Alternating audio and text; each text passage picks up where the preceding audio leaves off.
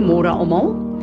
Ek weet in verskillende dele van die wêreld verskil die seisoene, maar hier in Suid-Afrika in die Vrystaat het ons 'n uh, behoorlike koue. As ons gedink in die winter was baie goed tot dusver, hierdie laaste week of wat het ons uh, letterlik winter met uh, temperature wat ons almal bibberend laat. Maar ehm um, ja, dis wonderlik om uh, julle te groet vanuit 'n uh, warm huis en 'n hart vol dankbaarheid dat nie een van ons wat hier luister ehm um, ergens in 'n shack sit en probeer om net te oorleef nie. En dan besef ek dat as die Here vir ons sê in Psalm 100 ehm um, enter my presence with thanksgiving and praise dan is my hart vol dankbaarheid vir alles in my huis en in my lewe wat ons so van selfsprekend aanvaar. Maar dit is die seën van ons God en uh, baie keer is ons oë so gefokus op dit wat ons nog nie het nie dat ons miskyk al hierdie wonderlike voorregte wat ons as kinders van God het kan geniet elke dag. So Vader, ek wil veraloggend net begin en ek wil 'n lofoffer na U toe bring. Ek wil kom buig in aanbidding voor U. Ek wil kom uh, met 'n dankbare hart veraloggend en ek wil kom verklaar, daar is niemand wat met ons God vergelyk kan word nie. En saam met die skepping wil ons ver oggend kom en ons wil U loof en prys en aanbid want U is waardig al die aanbidding wat ons as mense kan bring. En Here, dan is dit nooit nooit nooit genoeg om vir U die eer te gee wat U toekom nie. Ek bid dat U ons harte sal oopmaak vir hierdie woord vir oggend. Here, nie sodat ons kennis kan kry nie, maar sodat ons bekragtig kan word daardeur om die lewens te leef wat U ons geroep het om te leef, om die getuienis te te wees hier op aarde wat mense na U toe sal trek. Here Jesus, ontvang die eer daarvoor. Amen. Ons is in 'n tyd waar ons soveel gerugte hoor, soveel ehm um, getuienisse kry, soveel real, realiteite mee gekonfronteer word uh waar dit COVID aangaan, waar dit onluste aangaan, waar dit ehm um, baie baie uh aanvalle van die vyand ehm um, uh letterlik highlight. En dan is dit vir ons baie moeilik om ons gedagtes gevangene te hou en ons weet dat uh, dit is een dit is waar die geveg eintlik oor ons gaan. Net soos wat die woord sê soos wat ons die woord van God hoor daarom is die woord so nodig elke dag. Uh, styg ons geloof en glo ons die woord en dit bekragtig ons. Maar net so die gerugte van die vyand en al hierdie negatiewe goed wat ons hoor het 'n vermoë as ons nie versigtig is nie om vrees in ons te laat inkom en die geloof in ons lewe te te kanselleer. Uh ek het opnuut weer 'n bietjie gaan kyk na na 'n uh, um die wapenrusting uh van God. En ek wil ver oggend net vir ons uh Efesiërs 6 lees en uh dit is vir my so 'n interessante ding dit wat die Here vir my uh, uh, gehighlight het vir oggend dat ek dit met julle wil deel. Ekskuus dat ek net gou-gou kom by ehm um, by ehm uh, die gedeelte. Ja, daar sê. Goed, ek wil vir ons lees uh vanaf uh, vers 10. In conclusion, be strong in the Lord, be empowered through your union with Him. Draw your strength from Him, that strength which His boundless might provides. Voordat ons kan dink aan die uh wapenrusting van God, moet ons weet hierdie wapenrusting kan net werk as ek en jy in eenheid met hom is. As hierdie wapenrusting 'n leefwyse is want ons krag moet van hom getrek word en sy krag is onbeperk en voorsien alles wat nodig is in elke situasie in ons lewe. Put on God's whole armor, the armor of a heavy armed soldier which God supplies, that you may be able successfully to stand up against all the strategies and the deceits of the enemy. Hier kom Paulus en hy sê dat as ons leefwyse hierdie wapenrusting van God is, dan kan ons suksesvol staan teen al die planne en al die misleiding en al die verwarring van die vyand. Nie net seker is nie, al die aanvalle. For we are not wrestling with flesh and blood, contending only with physical opponents, but against the despotisms, tisms, against powers, against the master spirits who are the world rulers of the present uh, darkness, against the spirit forces of wickedness in the heavenly supernatural uh, sphere. Uh baie keer dan is ons so in geveg teen mense wat ons oefend of teen ons kom of teen ons praat of ons te nakom. En ons vergeet dat dit nie die mense is nie. Hulle is net die die uh uh persone wat die vyand gebruik. Daar is magte wat deur hulle werk. En ons moet hierdie magte beklei en nie die mense nie. Want wat gebeur die oomblik as ons die mense beklei, dan raak dit een groot divisie. Daar word go goed gesê en gedoen, daar word wapens vir die vyand gegee daarteen. En op die einde van die dag word ek en jy in gevangenskap geneem. Therefore put on God's complete armor that you may be able to resist and stand your ground, ground on the evil day of danger, having done all the crisis demands to stand firmly in your place. Elke krisis wat ons het, elke situasie wat ons uh uh, uh moet uh, mee gekonfronteer word. Ons moet ferm staan in watter plek? In God en in sy woord. Stand therefore, hold your ground, having tightened the belt of truth around your lions, lions, loins, and having put on the breastplate of integrity and of moral rectitude and right standing with God. Dis so belangrik dat ek en jy weet dat elke een van hierdie wapenrusting gee ook vir ons opdragte van ons eie optrede. En uh, uh hier kom die woord en sê dat as ons hierdie uh woord en die borsplaat op ons harte het, dan moet ons reg staan met God. Wat beteken dit? Dit wil sê ons moet staan op 'n plek waar uh, uh ons ons harte ondersoek het en sorg dat daar geen uh sonde in ons hart is wat onbely is nie.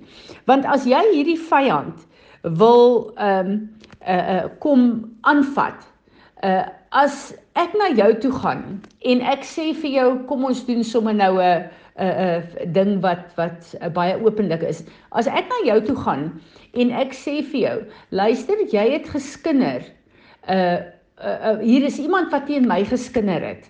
Uh bid asseblief saam met my dat die Here sal deel. Help my asseblief om om 'n uh, uh nie offens te neem nie. Help my om dit op die regte manier ehm um, deur te werk. En jy kom bid saam met my. Maar jouself skinder en het hierdie onbeleide sonde in jou lewe.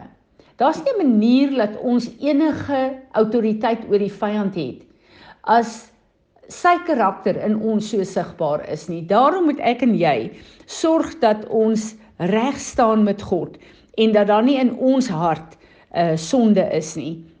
Hierdie vyand wat ons beveg, kan ons net beveg as ons reg staan met God. Ehm um, ja, and having shot your feet in preparation to face the enemy with the form looted stability, the promptness and the readiness produced by the good news of the gospel of peace. Lift up all the uh, all the covering shield of faith upon which you can quench all the flaming missiles of the wicked one. En dan kom hy hier met 'n baie belangrike ding en hy sê, take the helm the helmet of salvation and the sword of the spirit which is the word of God. Dis baie interessant dat hierdie helm van verlossing wat ons ons uh, gedagtes is en die woord dat dit saamwerk. Ehm um, as ons sien na 'n uh, eh, ehm uh, uh, wat Paulus hier bedoel met die die helm van verlossing en die swaard van die woord. As jy regtig waar God se woord in jou gedagtes het, dan weet jy dat elke verkeerde gedagte in jou gaan jy gevangene neem en jy gaan dit gehoorsaam maak aan die woord van die Here. En Paulus sê vir ons in ehm um, 2 Korintiërs 10 vers 3 tot 6. For though we walk in the flesh as mortal men, we are not carrying on our spiritual warfare according to the flesh and using the weapons of man. The weapons of our warfare are not physical weapons of flesh, flesh and blood. Our weapons are divinely powerful for the destruction of fortresses. We are destroying uh, sophisticated arguments and every exalted and proud thing that sets itself up against the true knowledge of God. And we are taking every thought and purpose captive to the obedience of Christ, being ready to punish every act of disobedience when your own obedience as a church is complete. Hier kom Paulus en hy sê ons moet ons gedagtes gevangene hou want onthou teen wie beklei ons? Teen die vyand. Hy is die accuser. Hy werk met ons gedagtes. Hy skiet hierdie gedagtes, hierdie pile in ons gedagtes en in ons lewe in dat ons kan verkeerd reageer daarop dat hy dat ons vir hom wapens kan gee om te werk. En hier kom die Here en sê dat ons moet ons gedagtes gevangene neem. Elke negatiewe gedagte, elke gedagte van sonde, elke gedagte wat God se woord op en op en neer. Ons moet dit gevangene neem en ons moet dit gehoorsaam maak aan die woord van God, aan Jesus. En uh dan kom hy en hy hy sê vir ons dat uh being ready to punish every act of disobedience when your own obedience is complete. Ek en jy moet gehoorsaam raak aan die woord van God. Ek en jy moet uh die woord van God ehm uh, uh, gebruik as ons padkaart, as uh dit wat ons voetstappe rig. Ons moet elke negatiewe uh gedagte gevangene neem. Ons moet God se woord in ons gedagtes kry. God se woord is die swaard want wanneer dit in jou hart en in jou gedagtes is, dan kan jy kom en jy kan uh uh uh die woord van God gebruik as 'n kragtige swaard wat uh hierdie magte kan aanvat en hierdie ehm uh, uh uh pile van die vyand kan uitwis. En wat vir my so belangrik is, ek wil vir ons in die Passion lees, ehm um, Efesiërs 6 ehm uh, vers 14. Put on truth as a belt to strengthen you to stand in triumph. As ek en jy in die woord staan, is ons in oorwinning. Maar dan kom hy en hy sê 'n belangrike ding, put on holiness as the protective armor that covers your heart. As ek en jy 'n heilige lewe, 'n gehoorsame lewe aan God lei, dan is daar geen manier dat die vyand ons kan oorwin nie. Want dan gaan dit wat uit ons mond uitkom, die woord van God wees en die woord is kragtig om te vernietig elke 'n uh, uh, ding wat die vyand teen ons bring en teen ons uh, oprig. Ons moet besef dat die heiligheid, 'n heilige oorgegee gee 'n uh, uh, uh, oorgelewerde lewe lewe aan God, is 'n kragtige wapen in God se se hand. En 'n belangrike ding wat ek en jy baie keer vergeet. Ons het hierdie wapenrusting, ons het hierdie lewe, maar dan kom uh Paulus en hy sluit af en hy sê een van die belangrikste wapens in hierdie geestelike oorlogvoering. Pray passionately in the spirit as you constantly intercede with every form of prayer at all times. Dis so belangrik dat ek en jy in die gees sal bid. Dit wil sê in tale sal bid. En wat my betref, ons bid baie keer te veel in ons eie gedagtes en word 'n trap dan in strikke om ons emosies en ons intensies en ons persepsies en ons ambisie te bid. Daar is plekke waar ek en jy net moet kom en 'n situasie voor God oprig en in tale bid dat die Heilige Gees deur ons kan bid die perfekte wil van ons God. En hierdie is 'n plek waar ek en jy moet staan in 'n wêreld waar daar soveel goed oor vir ons gegooi word deur die media, deur mense se vrese, deur die situasies wat ek en jy moet uh, hanteer. Uh, ons staan in hierdie plek van COVID en dit is baie maklik om te praat en te sê bid en doen oorlogvoering, maar wanneer iemand naby jou sterf van COVID, dan die trauma van so 'n situasie wil baie keer meer jou gedagtes verander as enige iets uh wat jy lees of wat jy hoor. So wanneer dit so persoonlik raak, moet ons veral voor die Here kom en sê Here, help my om te bid wat U gebid wil hê.